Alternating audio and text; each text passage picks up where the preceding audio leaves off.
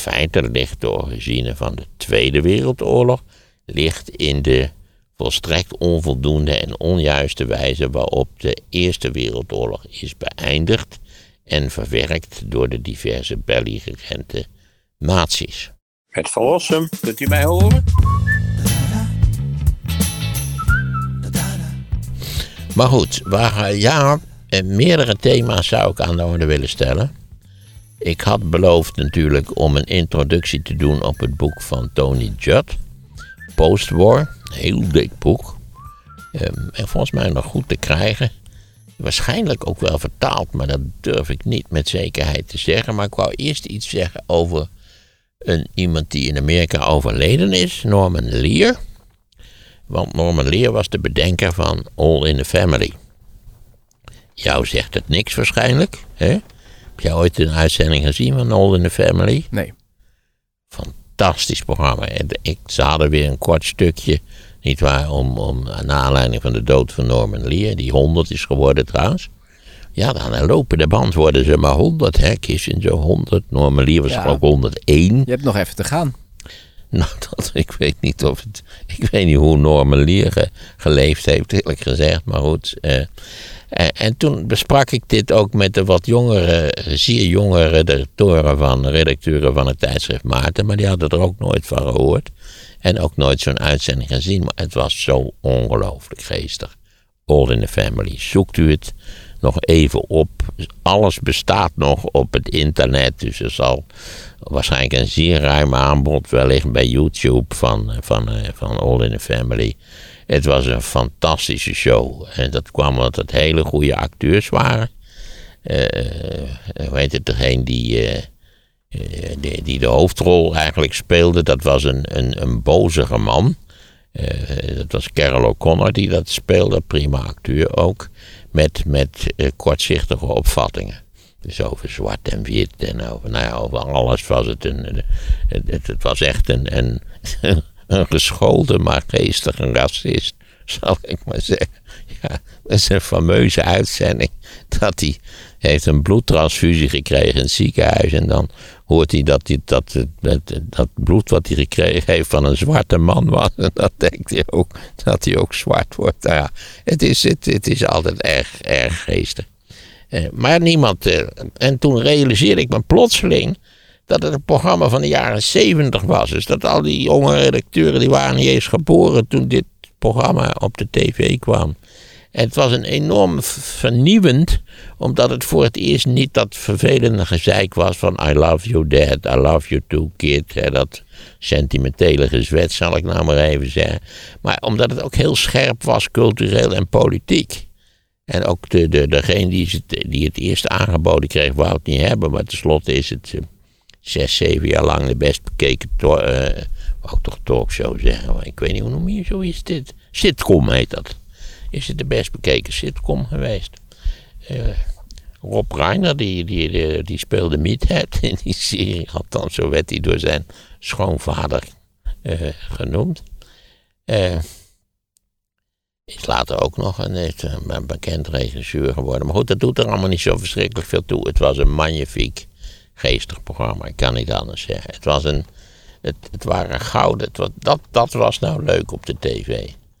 Ja, maar ja, dat, dat, komt- dat komt natuurlijk maar zelden voor dat een programma zo net precies alles goed doet wat er goed gedaan moet worden. Het had ook allerlei eh, spin-offs.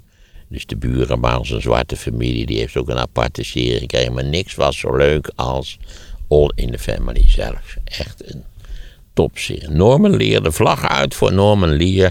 Hij heeft nog allerlei andere rare programma's gemaakt. Soms heel succesvol, soms wat minder.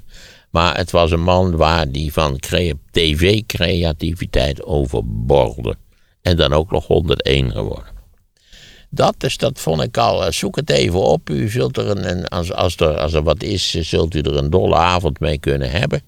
Dus ik, dat wens ik u graag toe. Wat heb ik verder gedaan? Ja, ik had een, eh, voor mijn leesgezelschap had ik een enorme Victoriaanse roman op het programma staan. Getiteld The Woman in White. Als u nou in deze duistere dagen wat afleiding zoekt, dan zou ik zeggen: lees die roman. Het is een Victoriaanse roman.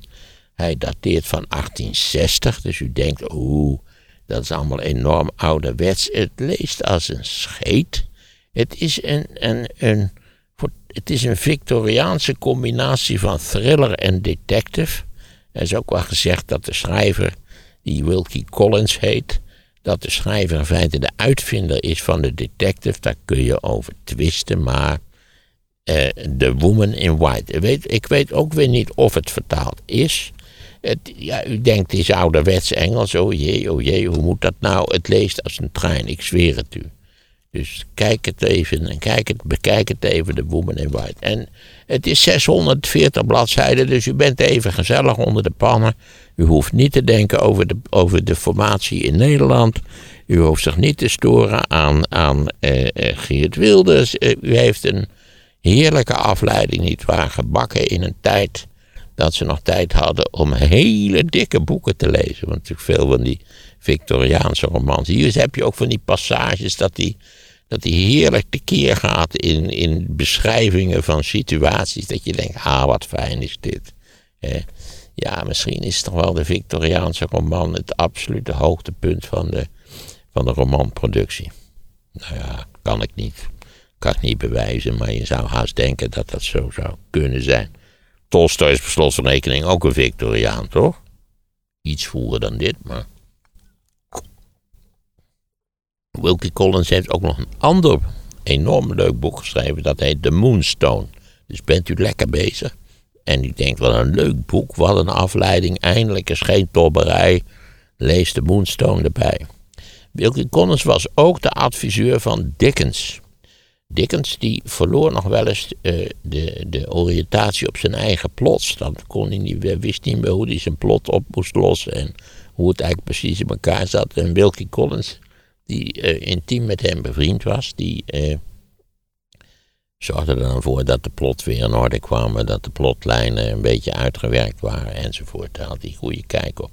Wilkie Collins was ook in zoverre een buitengewone figuur dat hij had twee families die dicht bij elkaar woonden in Londen, maar van elkaars bestaan niets wisten. Dat is natuurlijk ook een vrij sterke kost natuurlijk. Goed, zoek het maar even op. Ach, in de Wikipedia. Hè? Maar nogmaals, heeft u voor de kerstdagen nog geen, geen geestelijk onderkomen? Lees The Woman in White. Geweldig boek, vond ik. Maar ja, ik hou van lezen, dat moet ik wel. Ja, en nu kan ik natuurlijk kan niet laten om te zeggen: u kunt zo honderd keer beter de Woman in White lezen dan naar al die suffe talkshows kijken. Ik zweer het u, echt waar. Ik, ik zwijg nog even van het luisteren naar podcasts, daar wil ik verder niets over zeggen. Maar voor de kerstdagen, voor de, hoe heet het ook weer, de donkere dagen voor kerstmis. dan tegenwoordig ook met aanhoudende regen. Is de Woman in White echt een ideale oplossing. Dus nu uh, Tony Judd, Postwar, ook weer een ontzaglijk dik boek. Waarvan ook het anotenapparaat alleen op het internet te vinden is. Kennelijk komt dat er niet meer bij. En zijn die uitgevers, je kunt de pot op met nog eens een keer honderd bladzijden notenapparaat. Want dat zal hij wel nodig hebben gehad. Maar eerst, wie is Tony Judd? Tony Judd is een Engelse historicus die eh, helaas in 2010 gestorven is aan ALS. Dat is die bekende spierziekte waarbij die spieren geleidelijk aan verlamd raken. En tenslotte was die compleet verlamd. Eh, maar hij is tot het allerlaatste eh, intellectueel heel productief gebleven. En heeft daarover hoe hij dat dan deed, omdat hij kon natuurlijk niks opschrijven. Eh, dus hij moest alles in zijn hoofd in feite uitwerken als hij iets wilde schrijven. Daar heeft hij heel mooi en aangrijpend en, en ook erg verstandig over geschreven in de York Review Books. En omdat hij daar uitlegt hoe hij dat met zijn geheugen deed, hoe hij zijn eigen geheugen gebruikte. En daar was een, is een soort van methode voor, dat heet het geheugenpaleis. Dat je eigenlijk die dingen onderbrengt in vertrekken. Dat je je, verheugen, geheugen koppelt aan een soort driedimensionaal. Het kan ook een huis, het hoeft niet per se een paleis te zijn. Maar niet waar dat je zegt, nou dit is voor kamertje 1 en dit is voor kamertje 2 en kamertje 3 en zo kon hij dat allemaal, ook een vrij complex lang artikel, in zijn hoofd houden. In het geheugenpaleis. Ja, ik zou dat ook eens moeten oefenen. Het lijkt me echt een geweldig, geweldig idee eigenlijk. Um, overleden, zo wat ik al zei, in 2010. Hij was toen 62, dus dat is natuurlijk toch relatief jong. Hij had zijn carrière gevestigd eh, door eh, als Engelsman eh, de Franse intellectuelen in de breedste zin van het woord te bestuderen, zowel in de politiek als daarbuiten. Dat leidt er wel een klein beetje toe dat hij geneigd is, ook in postwoord, om de betekenis van Franse intellectuelen enigszins te overschatten. ook de, Parijse intellectuelen, dat is natuurlijk ook zo'n hot tub, zo'n zo'n hot bubbel van, van uh, grotendeels halve haren, naar mijn idee. Maar goed, uh, dat, daar is hij in ieder geval mee gestart. En later is hij een veel meer, ook een algemeen essayist geworden over historische vraagstukken van, uh, van velelei aard. En dat heeft eh, in, en je begrijpt ook wel waarom. In 89 besluit hij, ik geloof terwijl hij iets in Wenen doet, om een boek te schrijven over na de oorlog. Omdat hij ook beseft natuurlijk dat 1989 in feite het einde van de muur, het einde van de tweedeling in Europa, in feite het einde van het Sovjet-imperium in Europa, dat dat eigenlijk eh, het einde is van de naoorlogse periode. Vandaar het boek postwar. Hij zegt ook postwar is een, een, een, een idiosyncratisch boek. Dat wil zeggen, het is een interpretatie. Ik heb niet alles uit de kast gehaald om het zo objectief mogelijk te maken. Ik geef ook mijn eigen mening over wat Europa is. En daarbij ben ik beïnvloed door een aantal andere schrijvers. Hij noemt Hobsbawm, dat is de heel bekende marxistische Engelse historicus, later Engels geworden, geboren in Wenen, als ik het wel heb. Uh, die heeft ook een boek geschreven over de 20e eeuw, dat heet Age of Extremes. Uh, dat is een marxistische versie van de geschiedenis van de 20e eeuw. Dat is best interessant om eens te lezen. Waarschijnlijk ook nog goed te verkrijgen, waarschijnlijk ook vertaald. Age of Extremes. Sowieso heeft Hobsbawm een hele reeks van hoogst interessante boeken geschreven, ook over de 19e eeuw, namelijk drie dikke delen. Misschien moeten we het daar toch eens een keer kort over hebben. Vooral het eerste deel, dat heet Age of Revolution. Het is een combinatie van industriële revolutie en Franse revolutie. Dat wil ik nog wel eens bespreken, eerlijk gezegd. Ik vond het in de tijd een geweldig boek, moet ik zeggen. Ja, het is marxistisch, maar als je helemaal weet dat dat zo is, dan ben je ook vanzelf geïnoculeerd tegen de mogelijke gekkigheid eh, die er soms wel een beetje ook in zit. Ook in Age of Extremes bijvoorbeeld. En dan nog een eh, boek. Dat heet The New World Order. En dat is een boek van een mevrouw, van een Amerikaanse mevrouw. Anne-Marie Slaughter heet zij. A New World Order, moet ik zeggen. En dat boek heeft een enorme impact gehad bij mijn weten. Ik moet het ook eigenlijk eens bespreken, want eigenlijk is haar these. Kijk, wij kijken aan tegen, tegen naties die tegenover elkaar staan, of elkaar concurrentie aandoen of samenwerken. En maar we kijken altijd naar de leiders van die natie, de eerste minister, de president, enzovoort. En het gaat altijd over de, de grote strategische vraagstukken. Maar, zegt zij, feitelijk is de wereld net daaronder, die eigenlijk bevolkt wordt door zogenaamde professionals die praktische zaken moeten aanpakken, die is eigenlijk veel interessanter. Want daar zie je, als je bijvoorbeeld naar de Europese Unie kijkt, zie je dat onder de oppervlakte van die ruziemakers in Brussel in feite een heel complex en vrij goed functionerend netwerk is ontstaan van mensen die zich bijvoorbeeld met infrastructuur bezighouden, met de elektriciteitsinfrastructuur van de Unie. Uh, en allerlei andere zaken die, uh, laten we zeggen, het welbevinden betreffen. Daar moet je eigenlijk naar kijken. En vandaar een New World Order, maar die zit eigenlijk net onder het niveau waarover we altijd in de krant lezen. Of waarop we al die lui altijd niet waar, die bekende overzichtsfoto's. Maar in feite gaat het om professionals. Wij, wij suggereerden dat een beetje toen met die, met die hele delta-kwestie en het, het stijgen van het zeewater en zo. Dat wij bleven, we hebben ook een soort watercommissaris die geheel zijn eigen koers kan varen. Kortom, mensen die zich daadwerkelijk concreet bezighouden met concrete zichtbare problemen. ja. Waarom mijn geheugen zo raar werkt, weet ik niet. Ik moet nu ineens weer denken aan die dassen. Die allemaal die, die spoordijken hebben onder mij. Nu was er weer een spoordijk tussen Den Bosch en Tilburg. Die vol zat met dassen, dassenholen. Maar goed, dat heeft hier verder niks mee te maken natuurlijk. Maar die dassen zijn wel echte constructeurs ook. Maar denk aan dat boek uh, A New World Order van Anne-Marie Slaughter. Ook, ook daarvan weet ik niet of het vertaald is, maar dat het invloedrijk is geweest zonder meer. Misschien kunnen wij het ook een keer gaan bespreken. Nou ja, zo so much voor het, het, het boek zelf. Hij zegt ook nog van ja, ik ben begonnen als Marxist en Zionist. Hij is Joods. En zijn ouders waren niet praktiserende Joden. Afkomstig ergens uit, uit Europa. Ook weer immigranten. Immigranten, ja, hè, die struikelt erover. Hè, wat zijn wij blij dat zijn ouders naar Engeland zijn geëmigreerd en dat hij daar een voorspoedige academische carrière heeft doorgemaakt om vervolgens naar New York te vertrekken. En dan zegt hij ook, maar goed, ik was met het marxisme en het sionisme was ik al snel klaar. Hij heeft ook een soort van rol gespeeld in de Zesdaagse Oorlog. En ja, kreeg zo de pest aan die racistische Israëlische uh, militairen. Ja, sorry hoor, ik zeg dat niet. Hij zegt het. Dat hij vanaf dat moment eigenlijk heel kritisch is over Israël. En eigenlijk vindt dat de beste oplossing voor Israël en de Palestijnse gebieden is een one-state oplossing. Dus niet een two-state oplossing, maar een one-state oplossing.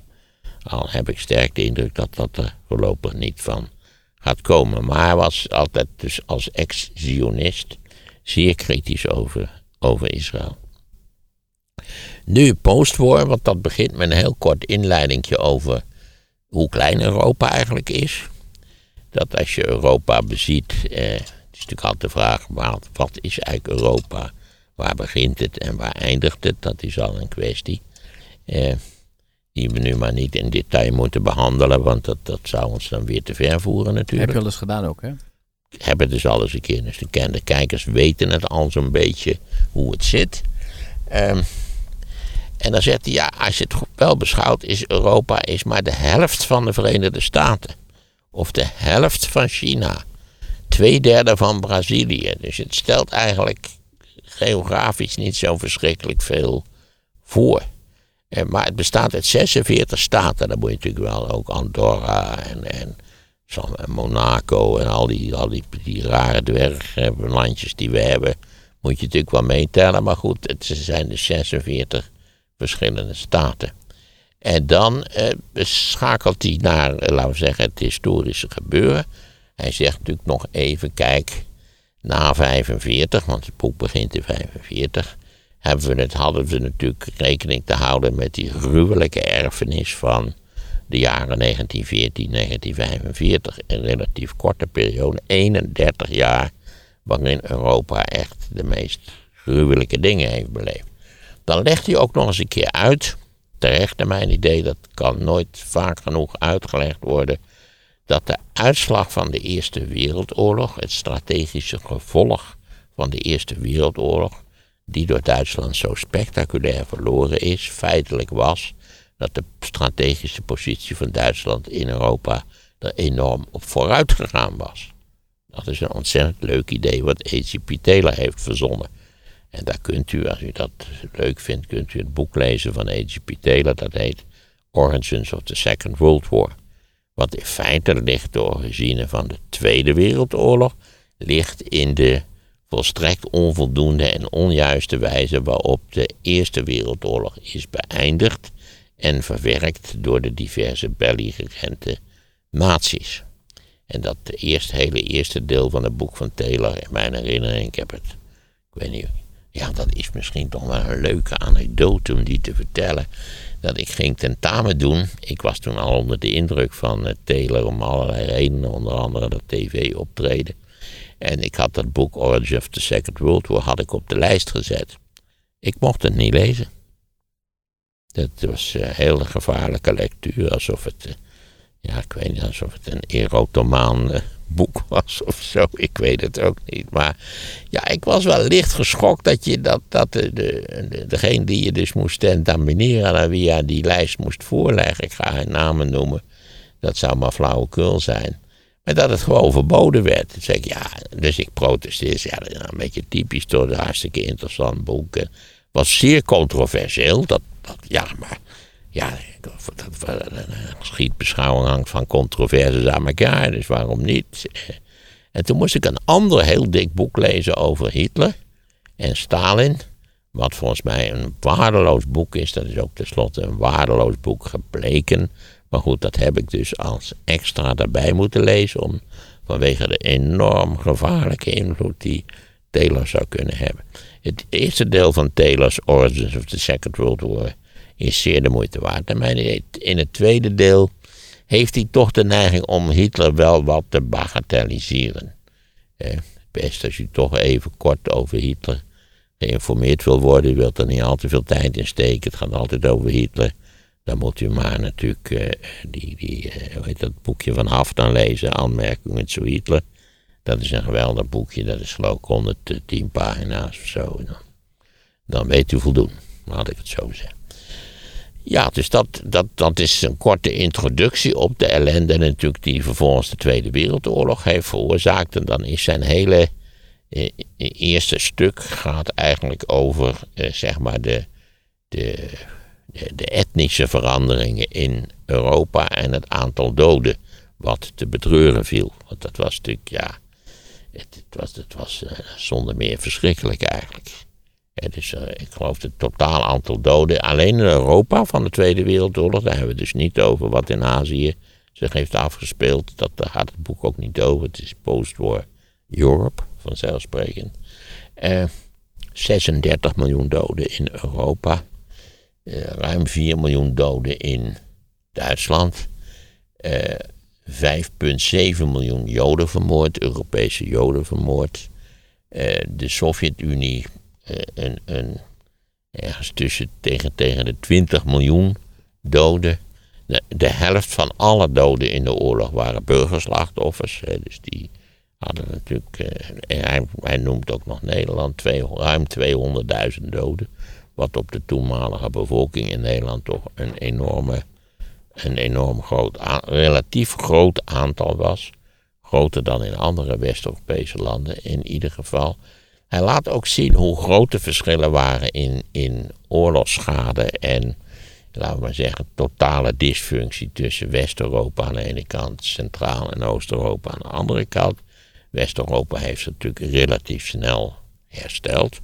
Maar in Centraal-Europa was echt, dat waren samenlevingen die volledig gedesintegreerd waren. Er is na de Tweede Wereldoorlog op tal van plaatsen, onder andere in Duitsland, vrij langdurig, vrij ernstige honger geleden. Zo zie je, niet waar, was, was het de hele samenleving van de, van de rails uh, geraakt. Hij vestigt ook de aandacht, dat is natuurlijk een hoogst interessant punt, dat vanwege de Duitse bezetting, eigenlijk al die, in al die bezette landen, was eigenlijk crimineel gedrag. Dat was eigenlijk noodzakelijk om een beetje redelijk in leven te blijven. Dus de zwarte markt, diefstal, uh, dat het voortdurende overtreden van de wet eigenlijk simpelweg omdat in al die bezette landen de overheid zelf nu de grootste crimineel was geworden. De roofzuchtige Duitse overheid. Van alle rechtsstatelijkheid was natuurlijk niets overgebleven. Het was volstrekt arbitrair gezag. Eh, je was je leven niet zeker. Ze konden je als gijzelaar oppakken en dan werd je vanmiddag nog uh, in het uh, Wilhelminapark doodgeschoten, bij wijze van spreken, zonder dat er een, zonder dat er een haan naar kraaide. En, en dat is natuurlijk een, dat moest als het ware na de oorlog gerepareerd worden. Dat mensen eigenlijk gewend waren geraakt aan, aan dysfunctioneel gedrag. Omdat dat dysfunctionele gedrag bij een dergelijke bezetter in feite functioneel gedrag was geworden. zeg maar verzet, en dat bedoel ik niet eens gewapend verzet of zo, maar verzet op alle denkbare terreinen waar je, nou ja, wat, misschien wat beter van te eten kreeg, of omdat je misschien eh, eh, onderduikers verborgen, of nou ja, het kon van allerlei redenen zijn. Maar dat is ook misschien een van de nuttigste redenen om de Tweede Wereldoorlog te herdenken. Dat je ziet wat er gebeurt als je een criminele overheid hebt. Hè? Dat dan in feite het, het alles ineenstort. Dat ook alle zekerheden verdwijnen. Ook, ook je, de zekerheid van je bezit. Je kon elke dag je huis uitgezet worden. Omdat het door de bezetter werd gevorderd, bij wijze van spreken. Dat kon overal gebeuren. Laat staan in die landen waar de Duitse bezetter natuurlijk nog, uh, nog veel gewelddadiger tekeer ging. Neem een land als Polen, waar ergens tussen de 20 en de 30 procent van de vooroorlogse bevolking vermoord is door de Duitsers. Deels natuurlijk ook de Poolse Joden. Uh, ja, het bitterste van alles is wel als de Joden dan terugkeren, die, die paar Poolse Joden die het overleefd hebben, dan terugkeren. Die krijgen dan met pogroms te maken van de Poolse bevolking. Die eigenlijk vonden dat, uh, wat hun betreft, de, de Joden sowieso hadden kunnen verdwijnen. En eigenlijk waren die, de teruggekeerde Joden in grote delen van Europa niet welkom. En dat leidde dan toe dat zij eh, vrij massaal naar Israël gaan, eh, niet waar? De eerste Joodse staat vanaf 1948. En toen natuurlijk een, een, een veilige haven eh, voor, voor die Europese Joden die, die het overleefd hadden. Dat was natuurlijk het curieuze van de zaak. Nou, dan moet je nog rekenen dat eigenlijk etnisch gesproken uh, Europa natuurlijk een janboel was, maar dat die, al die Duitsers bijvoorbeeld die in Oost-Europa woonden, in diverse Oost-Europese landen, uh, die, zijn, die moesten allemaal vertrekken.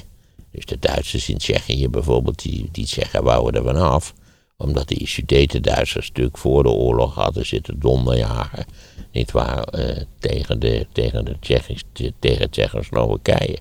Dus die, vertrek, die vertrekken eigenlijk allemaal naar Duitsland. Alle Duitsers die in, in uh, Hongarije of in Roemenië woonden, die moesten er ook uit. Die zijn allemaal, zodat Duitsland tenslotte kwam te zitten met ongeveer 13 miljoen heimatvertriebenen. Moet je je voorstellen dat je op na al, dat, al die, ellende van die oorlog natuurlijk, zit je ook nog met die 13 miljoen heimatvertriebenen. En we mogen inderdaad de, de, de, de enorme, het wirtschaftswunder mogen we wel op de blote knieën danken. Want wat had Duitsland moeten doen als het zich niet zo voorspoedig economisch zou hebben ontwikkeld na de Tweede Wereldoorlog? Niet waar? Met, met, met die heimatvertriebenen natuurlijk, natuurlijk allemaal, nou ja, idee hadden dat ze misschien wel weer terug zouden willen. Uh, in, in ressentiment en woede leefden. Kortom, allemaal opgelost in die zeldzame uh, explosie van welvaart die zich dan vervolgens voordoet in Duitsland. Na de oorlog, die zich trouwens in heel West-Europa voordoet eh, na de oorlog. Eh, dan heb je natuurlijk nog het, het opschuiven van, van hele landen. Hè. Polen is 150 kilometer naar het westen opgeschoven. Maar de Duitsers die in Silesië woonden, die moesten in feite ook vertrekken. Dus hoe gek dat ook klinkt, door de Tweede Wereldoorlog en die etnische verschuivingen en verjagingen die zich hebben voorgedaan, was eigenlijk Europa na de Tweede Wereldoorlog etnisch veel simpeler te besturen dan het, dan het voor die tijd was. Uh, nou ja, de verwoestingen die waren natuurlijk werkelijk enorm. Zowel in West-Europa als in Oost-Europa. Want ook de, zeg maar, de veroveringstocht van het Rode Leger door Oost-Europa heeft ook enorme schade in feite eh, veroorzaakt. En zeker aanvankelijk was men somber gestemd over de mogelijkheid van herstel. Eh, is dit toch wel, kunnen we het nog eigenlijk wel, wel herstellen? Het is zo erg. En het wonderlijke is natuurlijk, en dan kom je aan een, een interessante vraag. Eh, het herstel van Europa na de Tweede Wereldoorlog, dus postwar, is dat niet een soort van mirakel? Hè? Wie had dat verwacht? Op het moment dat Stoen de Nul daar was, zo noemden de Duitsers het einde van de oorlog, Stoen de Nul. Het was natuurlijk ook het hele begrip Stoen de Nul is ook een beetje onzin, omdat je er dan vanuit gaat dat je vanaf nul weer overnieuw kunt beginnen. Maar feitelijk had iedereen in 45 te maken met de gruwelijke gevolgen van die oorlog. Die in feite, als je het vanaf wat langere afstand beschouwt, natuurlijk een soort tweede aflevering was van de Eerste Wereldoorlog. Binnen 31 jaar zijn op Europees grondgebied twee gruwelijke oorlogen gevoerd. En als je het zo beschouwt, dan is natuurlijk wat na 45 gebeurd. Nou ja, dat zou je kunnen zien als een mirakel. Maar daar gaan we dus eh, volgende week over verder. Over het mirakel. Want hoeveel hoofdstukken wil je uit het boek uh, uh, gaan doen? Ik wil in principe het hele boek behandelen. Okay. Dus dit was de inleiding? Met uitzondering van de langdurige stukken over de Franse intellectuelen. Die zal ik wel ter sprake brengen. Maar dit was alleen maar de introductie eigenlijk. Dit, dus in het boek is dit de introductie? Dit is de introductie. Okay. En dan komt zo meteen hoofdstuk 1. En dat gaat over? Uh, dat gaat over de, de bestraffing van, van, uh, van degene die zich misdragen hadden in de oorlog. Variërend van de moffenhoeren aan de ene kant. En, en uh, laten we zeggen, de leiders van Nazi-Duitsland aan de andere kant. Oké, okay, dus dat gaan we uitgebreid bespreken. Dat gaan, nou, we gaan dat allemaal afhankelijk van wat er precies in het hoofdstuk staat. Maar uiteindelijk wil ik in principe het hele boek bespreken. Omdat er natuurlijk een van de onderliggende thema's van het boek is ook een zeer positieve benadering van de Europese Unie. Die overigens in 1989 natuurlijk nog helemaal niet zo groot was als die tenslotte eind jaren 90 en begin van deze eeuw geworden is. Maar hij ziet toch die Europese Unie als een, als een, als een, nou ja, een van de meest interessante aspecten van de eh, positieve aspecten van de geschiedenis van Europa na de Tweede Wereldoorlog. Plus, niet waar, de, de zeg maar sociaal-democratische uh, idealen die deels, deels na de Tweede Wereldoorlog uh, gerealiseerd zijn. Hij is een zeer uitgesproken sociaal-democraat. En maakt ook op dat punt valt zijn hart geen moordkuil. Hij heeft ook in die laatste fase van zijn leven, en niet waar, als hij eigenlijk al, al, al vrijwel niets meer kon, heeft hij ook nog een boek uh, geschreven. Waarin hij zegt: Kijk, zonder sociaaldemocratie uh, is, er, is, er, is er weinig aantrekkelijke humane toekomst. Maar mensen die het dus willen meelezen, het boek, of in ieder geval uh, zullen Ja, ik weet dat mijn probleem is dat ik niet weet of het, of het vertaald is in het Nederlands. Ik heb geen idee, wat zullen we ervoor zeggen? Ja, het is heel is goed leesbaar Engels. Ik bedoel, als, Wilkie Collins, uh, sinds 18... Dat is toch wel een beetje gek van het Engels. Dat je dus Engels van 1860, dat, dat kun je gewoon lezen alsof het, alsof het de krant is, zal ik nou maar even zeggen. Terwijl Nederlands van 1860, als je dat leest, dat maakt een hele ouderwetse indruk. Ja. Ja. Dat is een hele, ja, ik begrijp ook niet precies hoe dat bij ons zo sterk veranderd is en in Engeland kennelijk een stuk minder. Ja, ja. Even kijken. Um, dus dan gaan we hier de volgende keer mee door. Dan gaan we nog eens even kijken. Ja, we gaan nog even door. Een hele tijd gaan we in principe door met, uh, met Tony Judd, met Postwar. Ik wil ook af en toe wel iets aan de kunst doen nog steeds. Ik denk dat ik ergens in de komende weken zal ik, wil ik een thema behandelen wat mij altijd gefascineerd heeft, namelijk stadsgezichten. Zogenaamde verdoeten. Oké. Ja. Ik vind ze namelijk vaak ontzettend mooi, terwijl ze heel uh, ja, topografisch volledig verantwoord zijn, althans diegene waar ik het over ga hebben. Maar tegelijkertijd enorm mooi om te zien weer immigranten. Immigranten, ja. Hè. Ga lekker naar huis koken, veel beter. Twee weken geleden is de LPF op de fles gegaan. Althans hier. Verder is het al wel iets eh, langer geleden. Het populisme door de ogen van Maarten van Rossum. En natuurlijk het, het echec van de LPF creëerde eigenlijk opnieuw ruimte ter rechterzijde van het Nederlandse politieke spectrum. En de vraag was toen eigenlijk wie gaat die ruimte opvullen. Download het luisterboek via de link in de beschrijving. En Wouter Kolk, de baas van Albert Heijn, vertelt hoe de supermarkt van de toekomst eruit ziet. Dat hoor je in de podcast Sea Level via de link in de show notes.